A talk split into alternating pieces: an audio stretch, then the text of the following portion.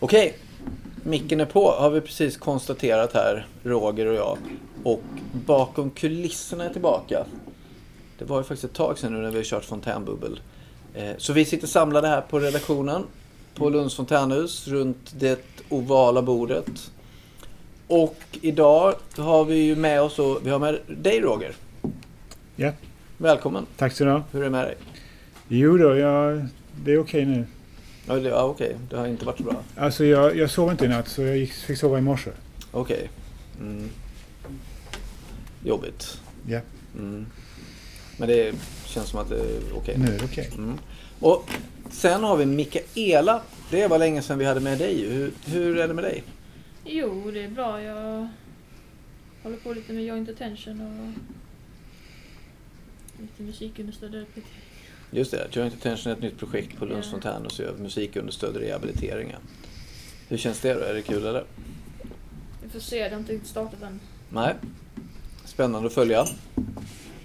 Eh, vi har, men du är välkommen. Och Ingrid har vi med dig. Första gången du är med på bakom kulisserna va? Ja, det är det. Mm. Hur känns det då? Ja, det känns lite pirrigt, men det går nog bra. Det tror jag nog det gör. Eh, och du mår bra annars eller? Ja, då. Mm, vad skönt. Du är hjärtligt välkommen. Tack. Och bredvid mig här, Olof. Olof, Som har varit med precis. både en och annan gång tidigare. Både en och Jag annan gång. varit programledare typ hundra- hundra gånger på raken nästan. Ja, precis. Men det är du inte idag riktigt då, Ja. utan nu är du med bakom kulisserna. Känns det bra då? Eh, ja, Mm. fast nu är det sådana dagar man får börja om på noll. Vi vet inte var vi hamnar i diskussionen. Nej, precis. Det väl spännande. Och du är okej med det annars eller? Ja. Mm. Kul och välkommen. Och sen har vi Martin här på min vänstra sida. Ja, Välkommen. Tack. Tillbaka, varit borta ett litet tag. Vad har du hittat på? eh, nej, inget speciellt. Nej. Inget speciellt, nej. Men du mår okej eller? ja, Mm. Skönt, kul att ha dig tillbaka. Välkommen. Sist men inte minst, snett framför mig, Malou. Mm. Välkommen. Tack. Hur är det med dig då?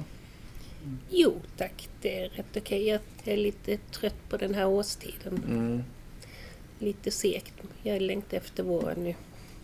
Ja, den är jobbig den här perioden, jag håller med. Den är den tråkigaste perioden på året verkligen tycker jag. Men från och med den 23, från och med den 23 februari så blir det, så blir det ti- till, tillräckligt, eh, tillräckliga ljusförhållanden. Alltså som räknas som acceptabla. Har. Som räknas som acceptabla av vem då? Nej, inte. ja, det är en svår fråga. Men, eh, men eh, förmodligen en ge- av, av eh, genomsnittsindividen. Är det vår då? Är, det, är, är det inte vårdagjämningen som... Vårdagjämningen är, menar jag är den officiella. Det är 20 mars som är, man kan säga att officiellt avvåren kommit. Okej, men 23 då, så då, då är 23 det... februari är det väl tillräckligt, tillräckligt ljust för att det inte ska kännas som, som mörker hela dagen, även gråa dagar. Mm. Absolut, jag trodde ett ögonblick du skulle säga det här när jag frågade vem bestämmer det? Jesus. Tyckte jag kände bara oj, oj, nu händer det grejer runt det här bordet här. Men du Malou, är det bra med dig annars då? Förutom den här Ja, eh, grejen då. Ja. Mm. Du är hjärtligt välkommen. tack. Och sen sitter vi här nu då i, i lite så här prekärt läge då där vi inte är så jätteväl. Det brukar inte vara kanonförberett med bakom kulisserna men, men vi har ju Extra pratat lite idag. extra lite idag ja, precis där vi inte har något så väldigt tydligt ämne att prata om. Eh, och eh, är det någon bara först är det någon som har funderat lite i veckan här sen. Vi träffas ju på måndagar och så diskuterar vi lite. Men någon som har funderat vidare så här, oh, men jag har funderat lite här nu, eller jag har tänkt på någonting som vi pratade om då, eller det kanske har hänt någonting i veckan som man känner att det här skulle jag nog vilja prata om. det är men- en rätt intressant sak inom databranschen. Oj, vad är det då? Eh, två hackers i USA. Ett par i 30-årsåldern. Den ena han eh, kom från Ryssland när han var sex år när han var uppvuxen i USA. Killen där han hade eget företag och entreprenör och så här och eh, de bodde i New York då. Fin lägenhet och så här. Mm.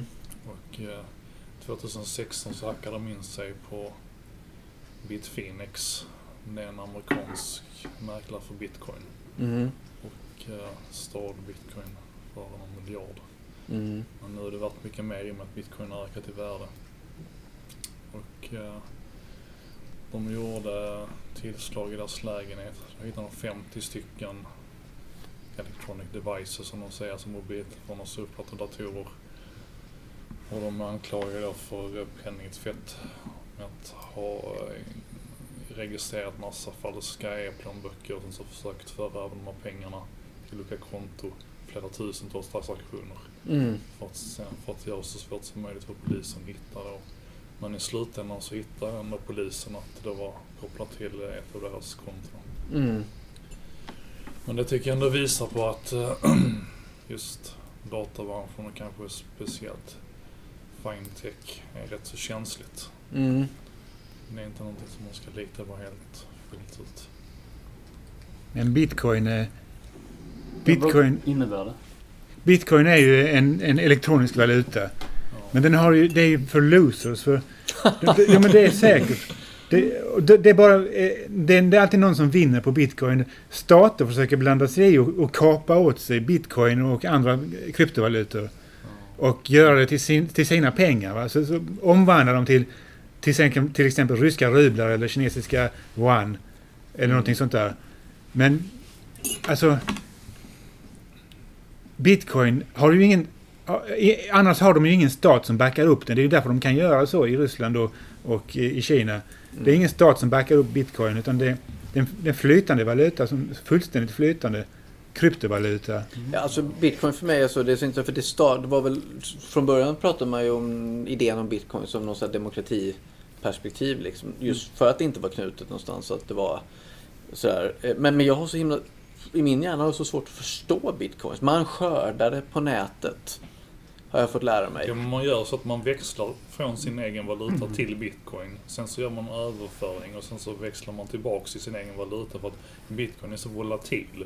Mm. Den går upp och ner så mycket så det är ingenting man passerar under längre Nej men i tid. och med att det inte, det görs ju inga bitcoins liksom, i och med att den är internet. Men däremot så kan man, jag har en kompis som är dataingenjör så sa just att hur, mängden bitcoins, att, att man kan eh, på något sätt skörda dem på nätet. I algoritmer kan man hitta bitcoins. Och då känner jag att min hjärna slår bakut. Jag bara känner men vad är det för någonting då? Det är bara hittepå liksom. Är det det Martin? Nej, alltså tanken är ju kanske att det ska fungera som betalningsmedel i mindre utvecklade länder som inte har stab- så stabil egen valuta eller banksystem. Mm. Så det är ett program liksom som används internationellt överallt. Liksom. Inte, inte all ekonomi så här hittepå pengar. Ja men jag tänker att det kanske är så. Det kanske är så faktiskt att allt är hittepå. I någon mån är det väl det, men det är olika... Oli, det finns olika stort förtroende för, eh, för olika valutasystem. Och det här har väl kanske mindre... Här är det väl kanske mindre för... Här är- råder det kanske mindre förtroende. Mm, och så blir det ändå så till slut att det blir en, en, en, en valuta som på något sätt är kopplad till finansvärlden och som man kan tjäna pengar på eller som man kan hacka och så här, men tjänar de några pengar på det här då? Vem då? Ja men de här hackarna då liksom så här, i och med att den är så... Nej, de blir ju påkomna. Precis, men vad, hade de, vad skulle de ha gjort med det för att... För det är inte värt något i sig va? Eller jo, du kan handla med bitcoins på vissa ställen va? Ja, men du, du växlar. Du kan växla till andra valutor. Vanliga valutor. Det kan man nog göra, men man ska också kunna handla med det på nätet. Ja, det kan man också. Mm. Det har jag aldrig gjort. Nej. Har, har, har du haft bitcoins? Eh, alltså man kan göra betalning i bitcoin. Mm. Det har jag gjort några gånger. Men då måste du ju ha bitcoin, eller? Ja, fast då växlar man bara till bitcoin. Sen betalar man och sen så växlar de igen tillbaks Men varför betalar du i bitcoin? Jag vet inte faktiskt. Nej, det är, det är intressant det här med hittepå världen liksom allt vi hittar på runt omkring oss. Som, för så kan man ju känna som du säger Olof ibland, att det är liksom som en så här, här sitter vi och har hittat på det här mötet för att fördriva tiden eller varför Men gör i vi och med det? att bitcoin är så volatilt än så länge så kan man inte ha bitcoin under längre tid. Men det kanske blir så. Mm. Men den kommer ju alltid att förbli volatil så länge ingen stat kapar åt sig den, den kryptovalutan. Den, kommer, den, den har, som jag sa, den, det är ingen som backar upp det. Utan det, det är algoritmer på, på, i servrar antar jag. Ja. Som, eh, som, som, som, så att det, det finns ingen, ingen kontroll, ingen riksbank, ingenting som styr bitcoin. Utan det styrs av algoritmer. Mm. Jag tänker att det är svårare här, vi behöver kanske inte gå in i supertekniskt för jag fattar inte det riktigt. Sådär. Jag jag tycker en rolig, rolig eh, är parentes bra på med att, datorer, vad tycker du om bitcoin? Jag är inte bra på datorer. Men vi lämnar lite där. Vi kan väl gå vidare tänker jag. För jag tycker en spännande grej med det var bara att, att när det uppdagades där, de här hack, hackarna som har gjort det. det var, då var rubriken att eh, den här kvinnan var ju eh, världens sämsta rappare har eh, då hackat eh, och stulit massa bitcoin. För hon är tydligen rappare då. Ja. Sådär.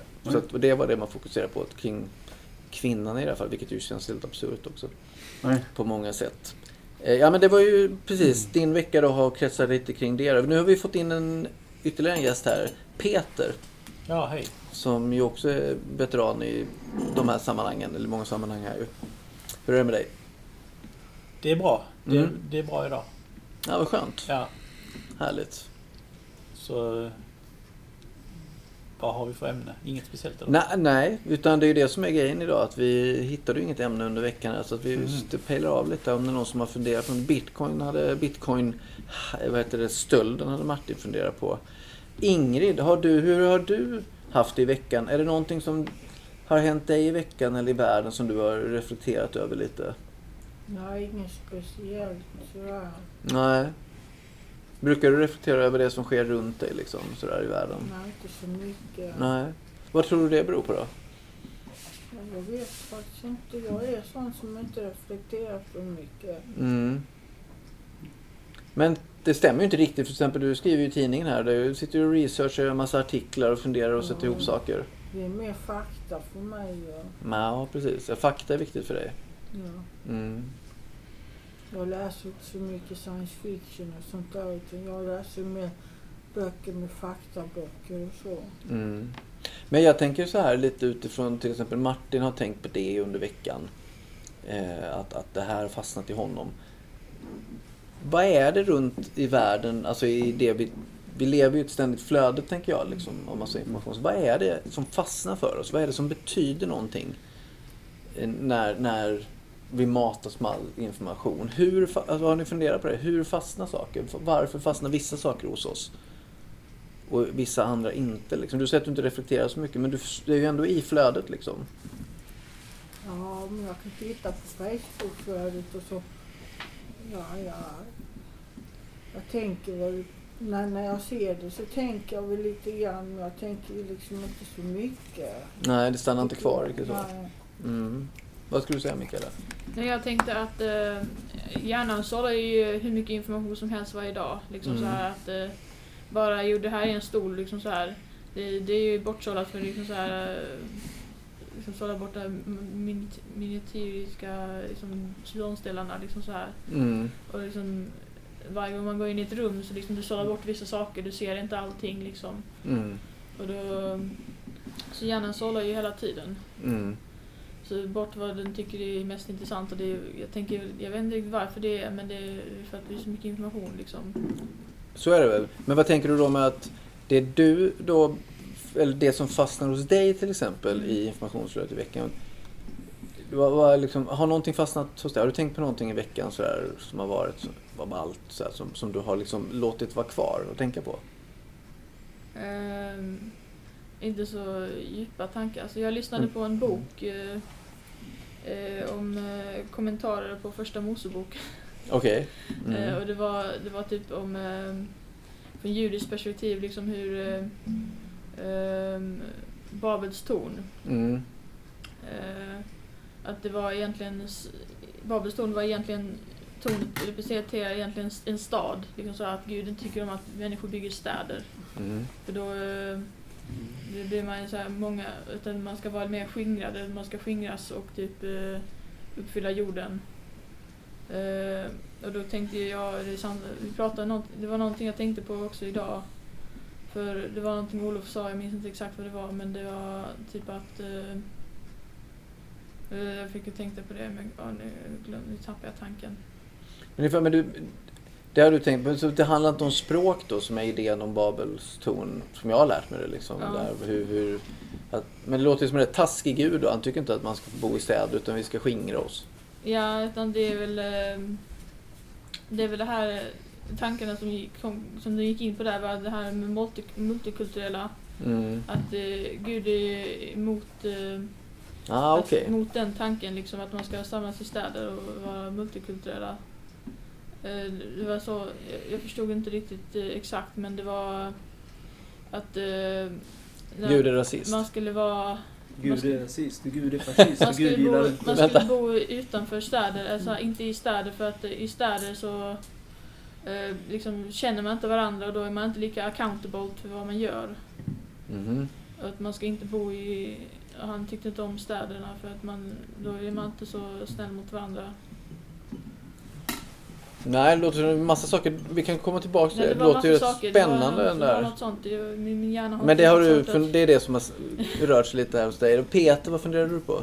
Jag tänkte det att... Eh, jag, jag, alltså jag tänker så här att det, det som man tar fasta på det är det som ligger i närheten av sitt konnektom. Sitt vad? Konnektom. Är det något av dina ord här eller? Nej, det är redan... Det, Det finns. det finns. Mina ord finns också. Ja, absolut, jag menar inte så. Förlåt Men mig. eh, detta är no, ett år som någon annan eh, Mm. jubelidiot har kommit eh, konnektorn betyder helt enkelt alltså det kopplade systemet i hjärnan. Mm. Alltså så som hjärnan är kopplad för tillfället. Och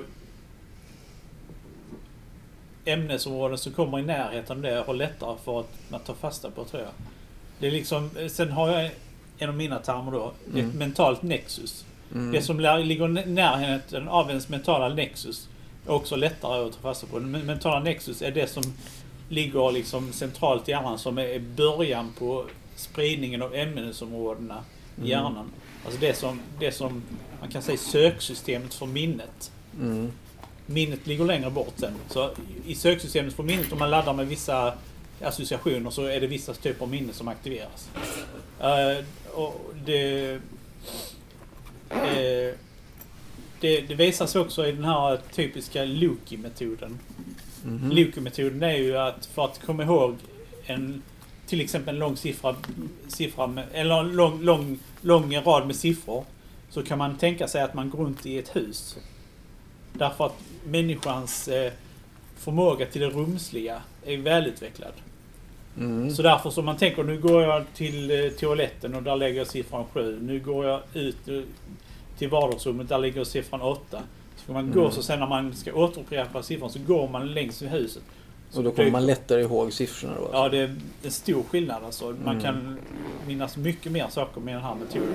Mm. Och det visar också att det som man har i närheten av sin funktion, det är också det man har lättast för att komma ihåg. Mm. Tycker jag alltså att det visar.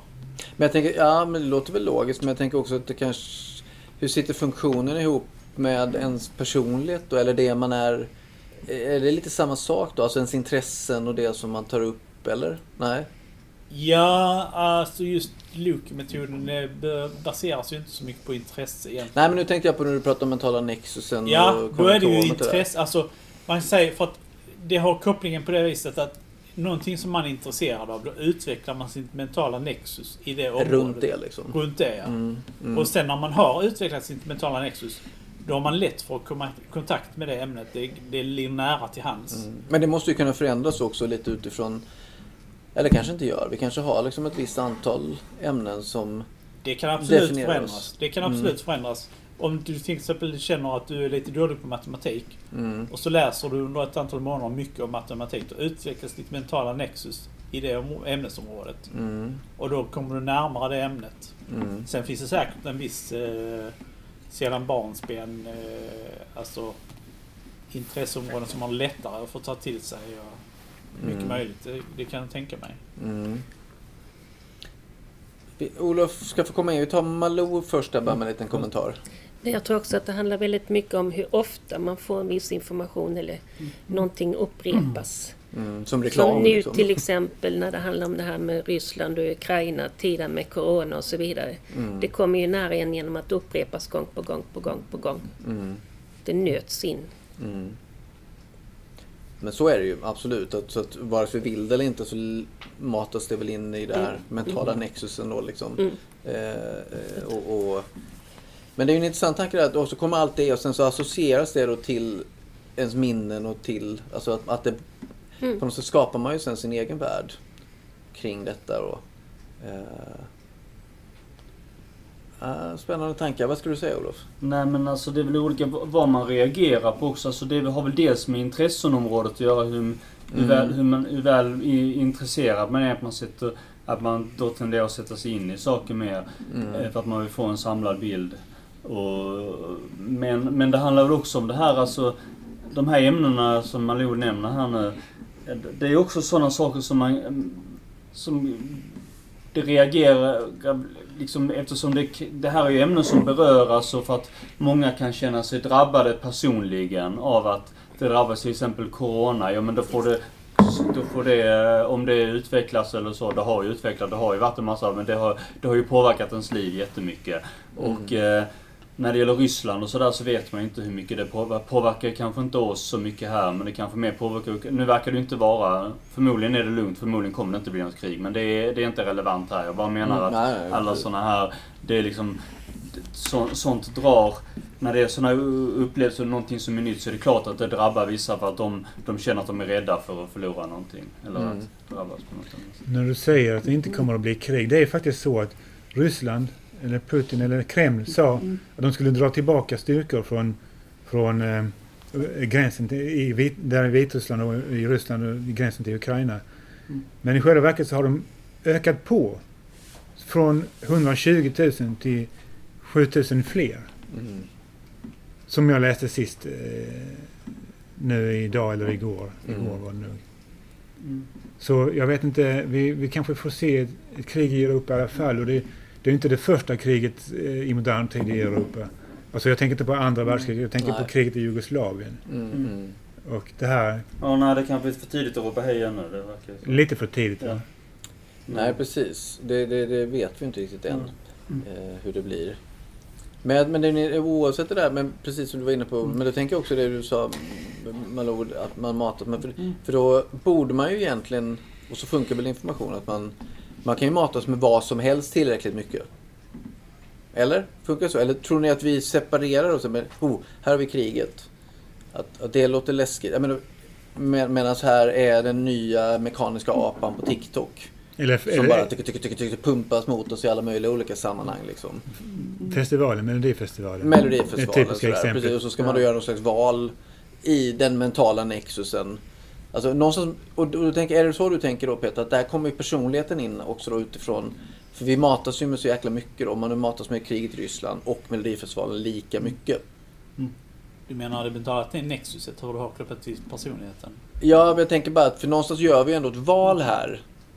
Jag håller ju med dig men och givetvis vi matas ju med så jäkla mycket så att vi, det kommer vara det vi lägger märke till. Ja. Men man kommer också ställa sig inför val utifrån vad man matas utifrån. Och det kopplas väl till oss själva då, eller till våra oro. Krig är väl så klassiker. Då är man ju, det talar ju direkt till vår våra eh, känsliga sida, alltså vår ångest, vår oro liksom. Nu skulle jag bara vilja tillägga att när du säger kriget i Ryssland så menar du väl kriget i Ukraina då?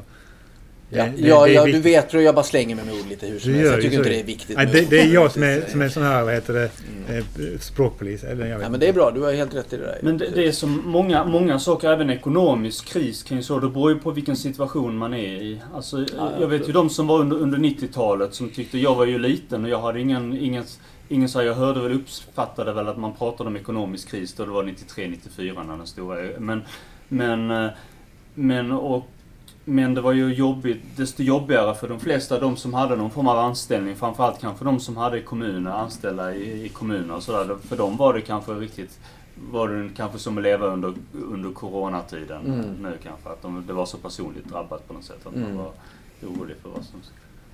Alltså jag fick ju vara med om när jag jobbade i sjukvården om nedskärningar på 90-talet. Mm, Och det var rätt så kraftigt. Vi gick ner på knäna.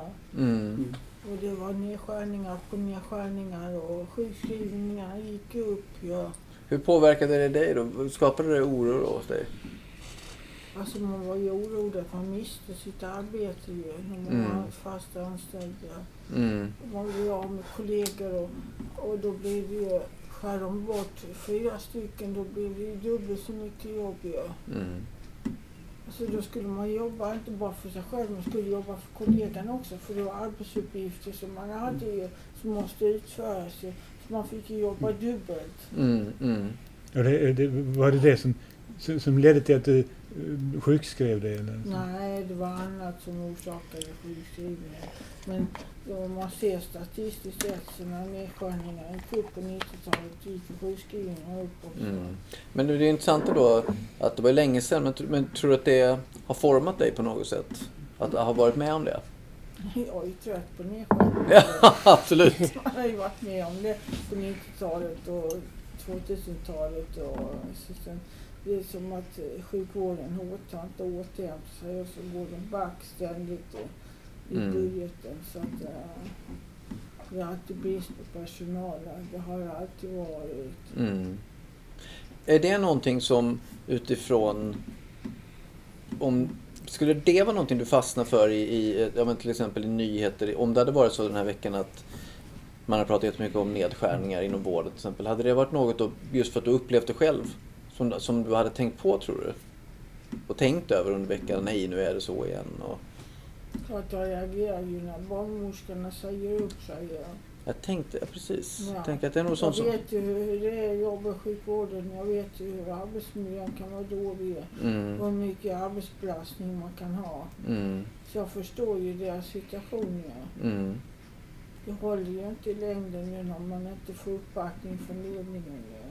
Nej, och det är intressant. Jag läste om det idag också, just om att, att, att det också är en, en, en ren protest ju. Att jag nu får, okej, ska ni stå och skryta om hur bra ni är politiker, då ska ni få se nu då. Så då blir det ju massuppsägning liksom. Men det, det var intressant. vet inte, jag, det fick mig att tänka på att för politikerna hade en sån där, det, det var lite, det drev man ofta med i vissa sådana här radio på Godmorgon Världens olika så här program att, att politikerna hade, hade sån här oro för hur, hur marknaden skulle uppfatta deras beslut. Mm. Alltså att, ja, marknaden det är en, sku, en mystisk figur då. Hmm, vad ska han säga i det här läget? Vad, vad Mm. gör honom upprörd? Och liksom Mm. sådär på något sätt. Eller kommer lilla marknaden. Ja. Nej, nej, precis. Men du, då tänker jag du, ja, precis, det är en bit som formar. Martin, vem är du då? För jag tänker så här, du, du fastnade för, du var ju snabb på det här. Har ni tänkt på något speciellt i veckan av allt som hänt? Och då tänkte du på bitcoinstölden liksom. Ja. Är, är liksom ekonomi, företagande, entreprenörskap, är det saker som har format dig eller som du tänker mycket på? Jo, jag tänker mycket på det. Jag Mm. kommer ihåg 90-talskrisen också. Jag kommer ihåg att jag var liten då. Mm. Och sen så några år senare så blev det högkonjunktur vid 00 ungefär. Mm. Ja, sen så började banksystemet börja decentraliseras nu med mycket entreprenörer och så. Jag vet man inte riktigt vart det är på väg. Så. Har det inte varit lite viss centralisering, alltså att det har blivit större och större banker på något sätt? Att de har tagit eh, kontroll, att det har blivit mer uppköp på så sätt, alltså globalt? De tillåter så de släpper samtidigt in fler företag att ta hand om deras Jo, tjänster som Ja. Betalningsmaskiner och Mm. hela den affären och Men det här är något som du tänker. Det, här, det, det, det tänker du en del på ändå? Liksom det, det ligger i din mentala jag, nexus? Jag, jag liksom. tänker mycket på eh, den tekniken som ligger bakom. Mm. Jag, jag tror att eh, det var så på 90-talet att eh, jag tror det var SE-banken och Sparbankerna som skulle gå ihop. Va? Mm. Men det stoppades av EU. Så att de har inte haft eh, möjlighet till att växa på det sättet att de har kunnat fördubbla sin allting som finns inom bankvärlden då. Alltså det, det, det är fortfarande samma banker som då va? Om jag Mm. inte misstar mig. Mm. Och man tar SE-banken så är det en ganska liten bank. Mm. Så är det kanske. Jag har noll koll. Ja, de har väl... eh, Ja, jag vet inte, men... Men... Ja, det var bara en reflektion jag hade om den här tiden. Mm. Men ja, nu börjar jag bara tänka, börjar plötsligt bara tänka på skräckfilmer av någon anledning här. För jag börjar tänka lite på det när man pratar om hur man formas av, av sin oro eller saker man Ja. upplever. Så mycket, mycket av, av film och skräckfilmer så här, om vi nu pratar skräckfilm så är ju baserat jättemycket på just oro och ångest över det som rör sig i oss. Liksom. Om man har upplevt ekonomisk oro liksom, Mm. så, här, så, så kommer man känna vissa saker kring det. det, det fick mig att tänka på, jag såg en sån här eh, utfrågning ny, nyligen med eh, två stycken som har varit i hetluften lite grann under hela pandemin. Eh, Nisse Littorin och eh, Agnes Wold. Mm. Eh, och, och, och hon, hon sa, Agnes Wold sa något väldigt intressant att världens ledare över, under pandemin så har de agerat ungefär som att de har sett för mycket på skräckfilm. Att de har sett om en mördarvirus, att de ska så här spruta liksom så här i, i luften för att ta död på någonting och uppmana alla gå hem och lå, lås in er. Här ute i samhället härjar det farliga viruset. Gå hem Mm, absolut. lugn- hemmets trygga bra och, och, och göm er. Liksom att det, hon menade att det var liksom eh, triggat av en, som triggat av en skräckfilm på något Mm. sätt. Alltså de, de reaktionerna. Ja, det är en intressant tanke. Sen kan man väl tänka sig att det var väldigt triggat av, av makt, alltså att hur politiken har förändrats liksom Ja. utifrån att ja, nu gäller det att peka med hela handen och visa sig bättre, fatta beslut än att inte fatta beslut alls och allt det här gamla Ja. liksom.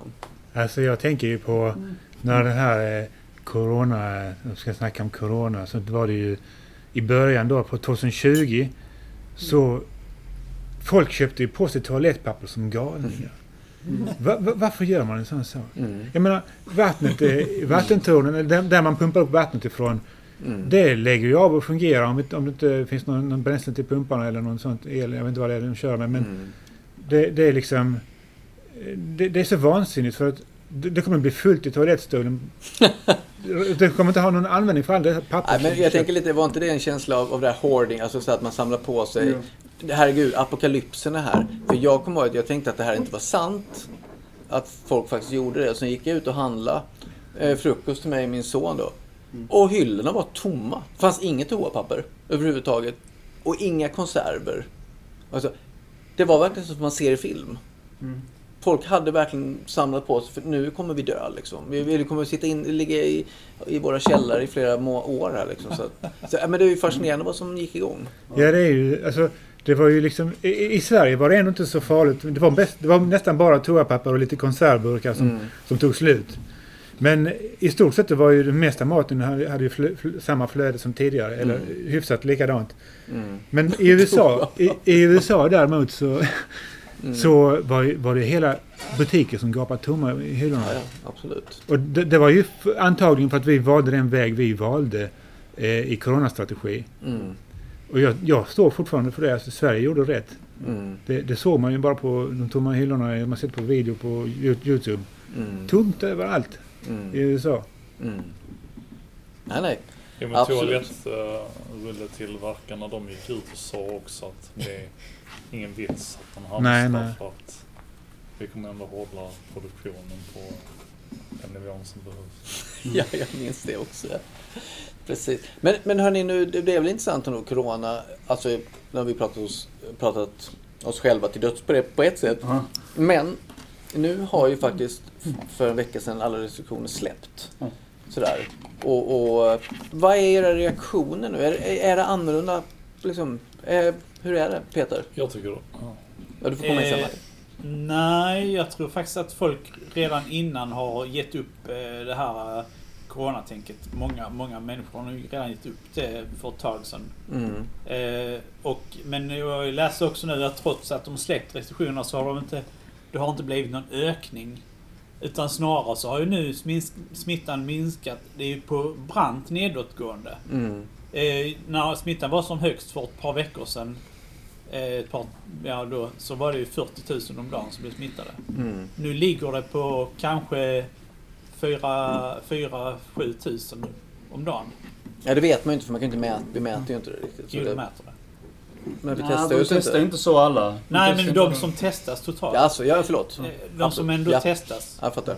Mm. Eh, så ligger det ju där. Alltså, Mm. Mellan 40 000 ner till 5 000. Det är en stor... Men det var ju å andra sidan många fler som testade sig för några veckor sedan. Ja. Än vad det är idag. Så siffrorna är ju lite så här ändå. Varför skulle det vara fler? Alltså, Därför att de, inte- de har tagit bort en del regler. De har tagit bort en del... Eh, Det Ja. var ganska strikta krav. Alltså att man, redan- man, behövde, man behövde testa sig mycket mer för, för mindre. Nu, nu, nu är de mer att, de, man ska vara, att man är mer kallsinnig till dem för att ska Ah, testa sig. Så okej. det, det är en skillnad då. Men Men när de säger 40 000, är det då en approximation? Eh, Eller är det... Det är en riktig siffra på hur många som varit positiva. Men om man bara testar de som, har, som, har, som, som man testar så kan man ju inte veta Om man inte gör en mycket mer, appro- men- Det approximation. kan vara mycket mer, men det kan inte vara mindre. Nej, det kan inte vara mindre. Men det dessutom ska man komma ihåg att även när det var så var det för- förmodligen ett oändligt stort mörkertal. Ja, ja. När man träffade 40-50. För för alla jag kände, jag kände jättemånga som hade, som inte syntes i statistiken, som ändå var positiva Ja, ja. för att de gjorde hemtester. Så. Men så är det. Men jag, tänker, jag mer nyfiken på utifrån att man släppte restriktionerna förra veckan. Vad, vad är era reaktioner liksom? Känner ni så här att ah, nu är allt som vanligt igen? Jag tycker det gått alldeles för snabbt. Tycker du det alltså? Ja, alltså för några veckor sedan så sa de ju att det var jättestor smittspridning. Mm. Och sen så var alltså, det var nytt omikron som var mycket mer smittsamt än det gamla. Och så nu helt plötsligt har de släppt allting. Mm. Nu på bussarna, nu kan man gå vid Mm. chauffören och sånt. Det kunde man inte för några veckor sedan.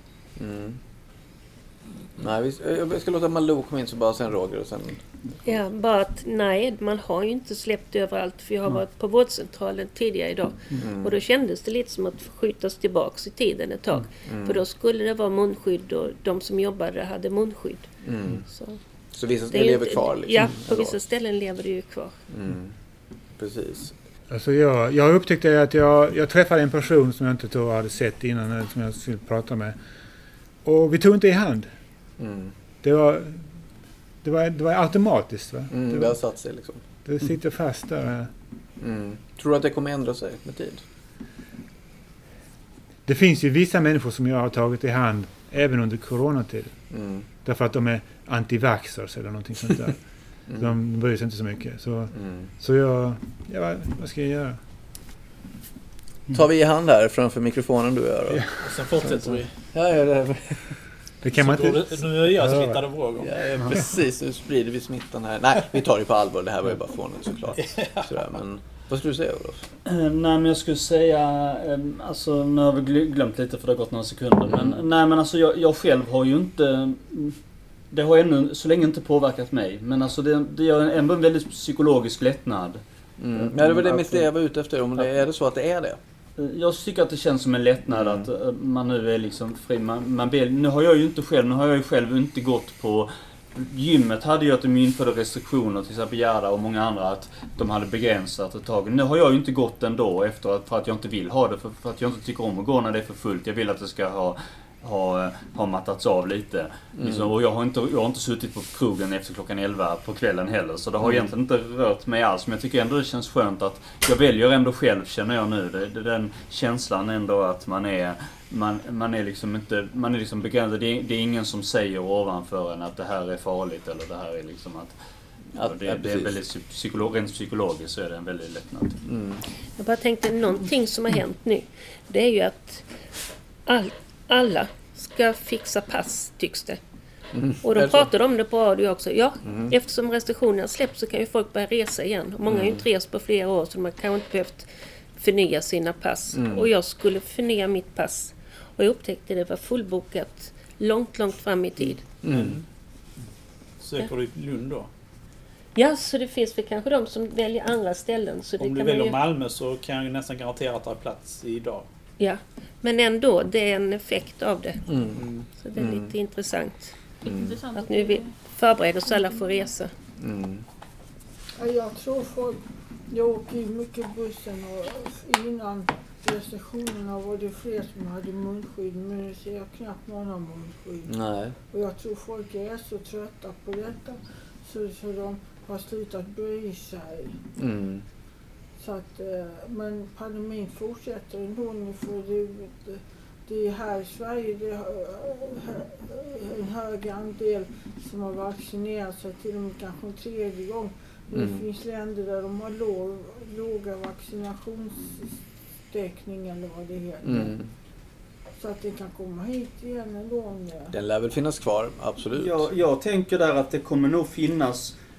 Det, det, det som Ingrid tar upp här, det tycker jag det är rätt så relevant för jag tror att nog, det kommer nog finnas eh, någon form av restriktion. Alltså när man lär, det kommer nog finnas rekommendationer att inte åka till vissa länder. Så jag tror inte att vi kommer ha fritt resande förrän tidigast till sommaren kanske. Mm. Jag tror nog att det kommer vara en period där det är ganska, för det, det är liksom ganska kriti, lite kritiskt i vissa länder som inte har fått sjukdomen, att de nu får in det. Och då kommer de nog rekommendera att man inte reser till dessa länder. Så det kommer nog vara en del.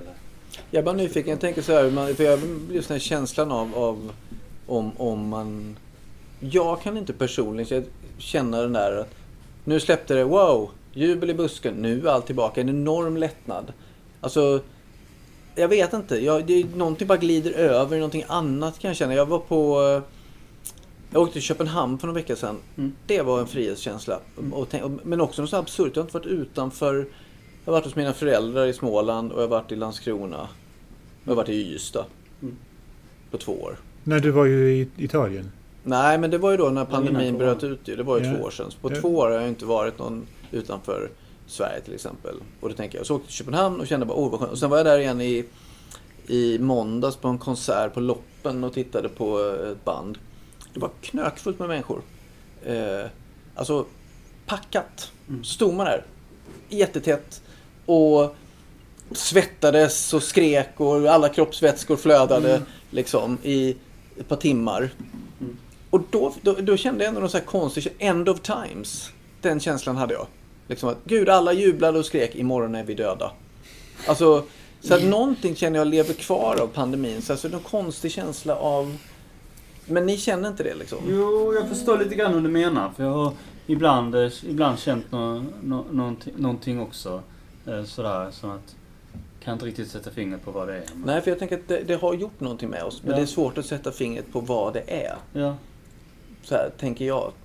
I, i den Mm. där...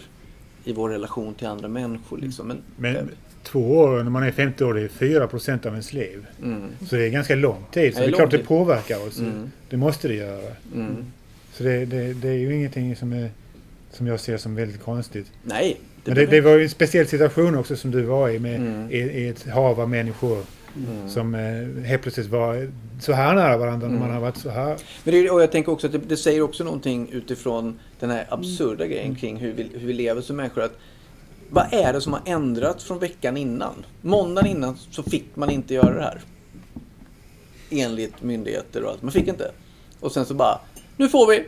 Men Alltså, alltså, det är jag, någonting som är, jag förstår vad jag menar? Det är ju rätt absurt liksom. Men det var ju lite grann som Peter var inne på att många, strunt, många struntade ändå i det även innan eh, restriktionerna släpptes. Alltså, jag har ju själv hört hur det ser ut på eh, Emporia. Att eh, där, där kommer, det, kommer folk dit med barnfamiljer och, och Mm. flera underhåll och de har underhållning sådär, och, och, liksom, och, det är, och det är jätteträngsel.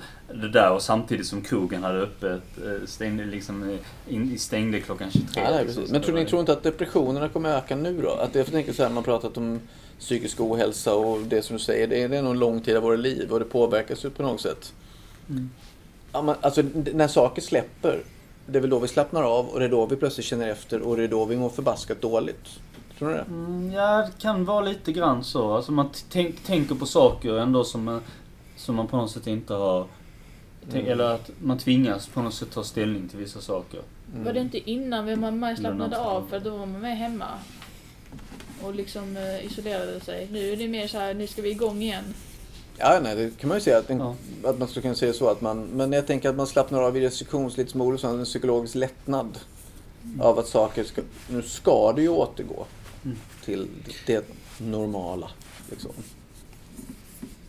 Man blir ju eh, inte lika irriterad när någon lutar sig mot en och, och pratar så här liksom, om man känner andedräkten komma mot en och in, in i sin egen mun. Och så.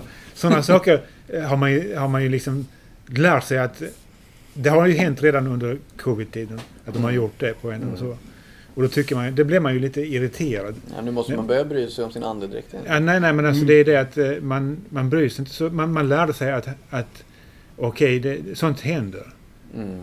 Och man, man lärde sig att eh, inte bli eh, förbannad eller så här om man säger så. Man Mm. lärde sig att eh, på något sätt att, att tolerera andras när, närgångenhet. Jag gjorde det för, när det hände alltså. Det var inte ofta. Mm. Jag tyckte det var lite skönt det där när, man, när det var corona och man, man, när, man gjorde plane- när de gjorde plan- planerna så var det inte så att det skulle vara så tätt packat överallt. Det skulle vara lite så här lite utspritt. Då behövde man inte tränga så mycket. Jag tyckte Mm. det var lite skönt att man inte behövde tränga så Det mycket. var ganska skönt ja. Problem, nackdelen är ju att det blir vä- väldigt svårt. Det blir så många aktiviteter som man inte kan ha på grund av att det förutsätter att det är ett visst antal man bjuder in. Och då måste man i så fall ha tak på deltagarna. Det var det som var det besvärliga. Mm. Malou, vad tänker du? Kommer du? Lever du nu? Känner du att du... I'm back? Jag tänker inte särskilt mycket på Corona, det kan jag inte säga. Nej. Men tre personer som jag känner väl som har fått tre sprutor har också helt nyligen efter det fått Corona. Mm. Så någonstans i bakhuvudet finns det väl att det, det är inte helt över. Men Mm.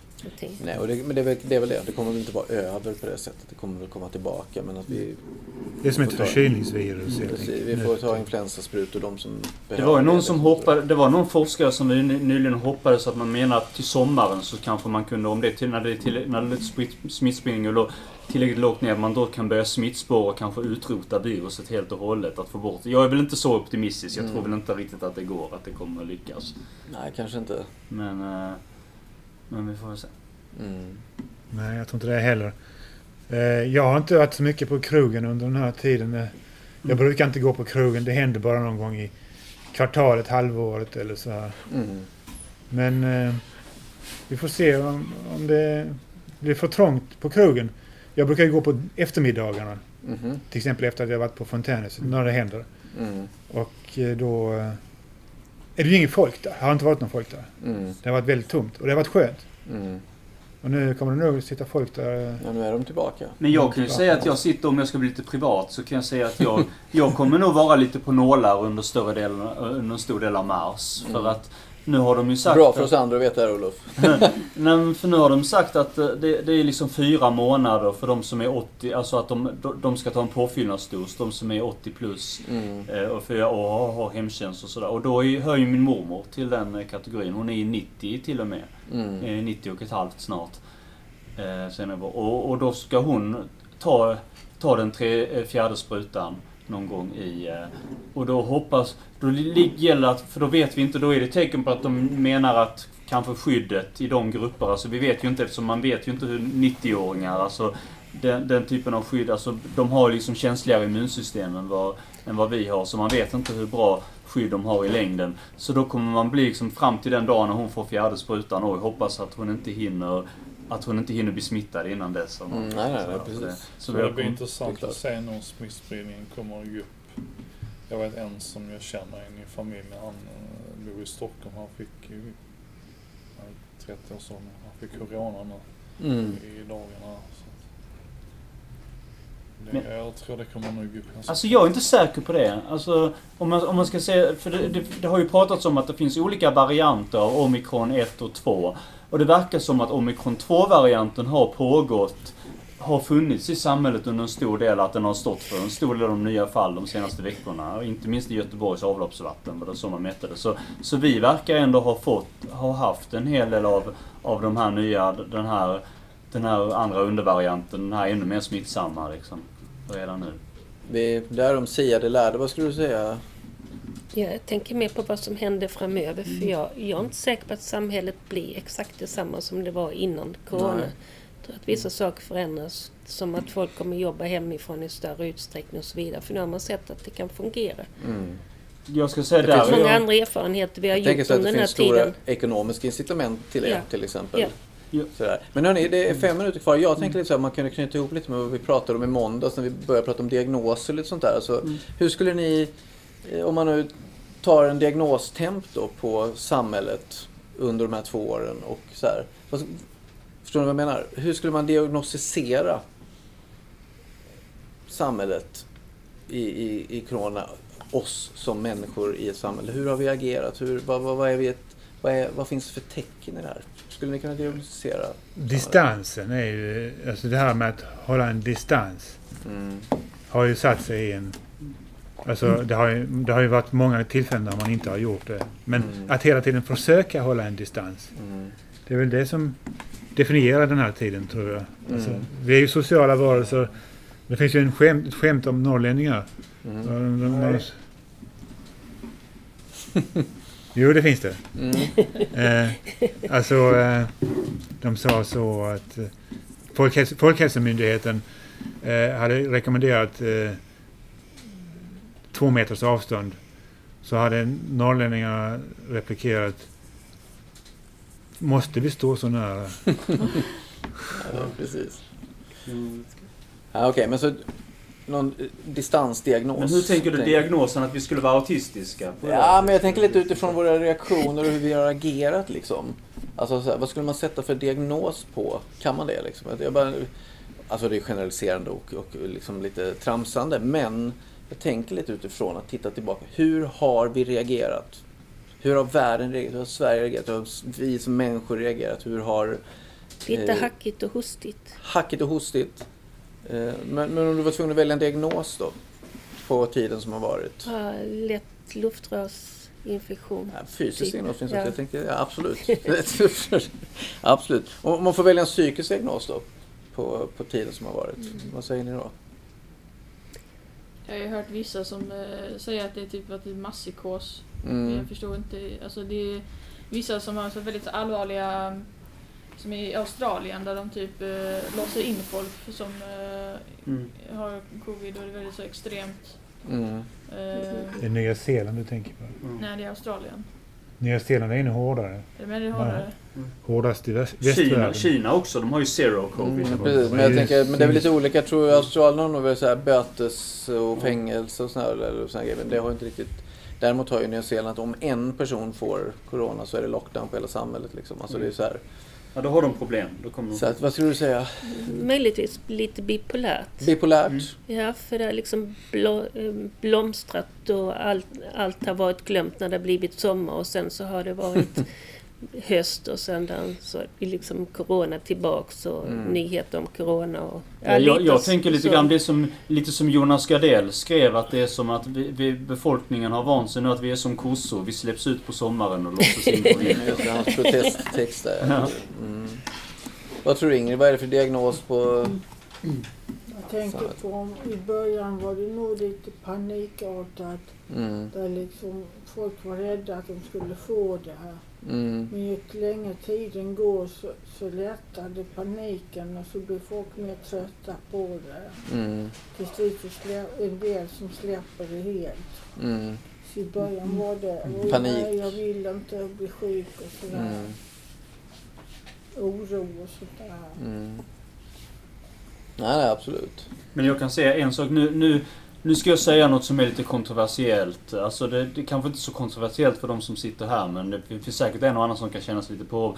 Jag kan säga att jag förstår absolut inte hur de människor tänker som rop, För jag vet vissa som, jag vet, som ropar på restriktioner att de tycker att man ska ha mer, man ska ta hårdare tag, regeringen borde gå ut och själva vä- vägrar de vaccinera sig. Mm. Och det är helt orealistiskt för mig. Hur kan man, inte, borde inte det vara ett mycket större hot? Den här känslan av att man kan leva i fångenskap, att man inte kan vara social, än att sticka en jävla spruta i armen. Jag fattar inte hur man prioriterar då när man Hur, det. hur skulle du då diagnostisera den här tiden på en psykisk diagnos?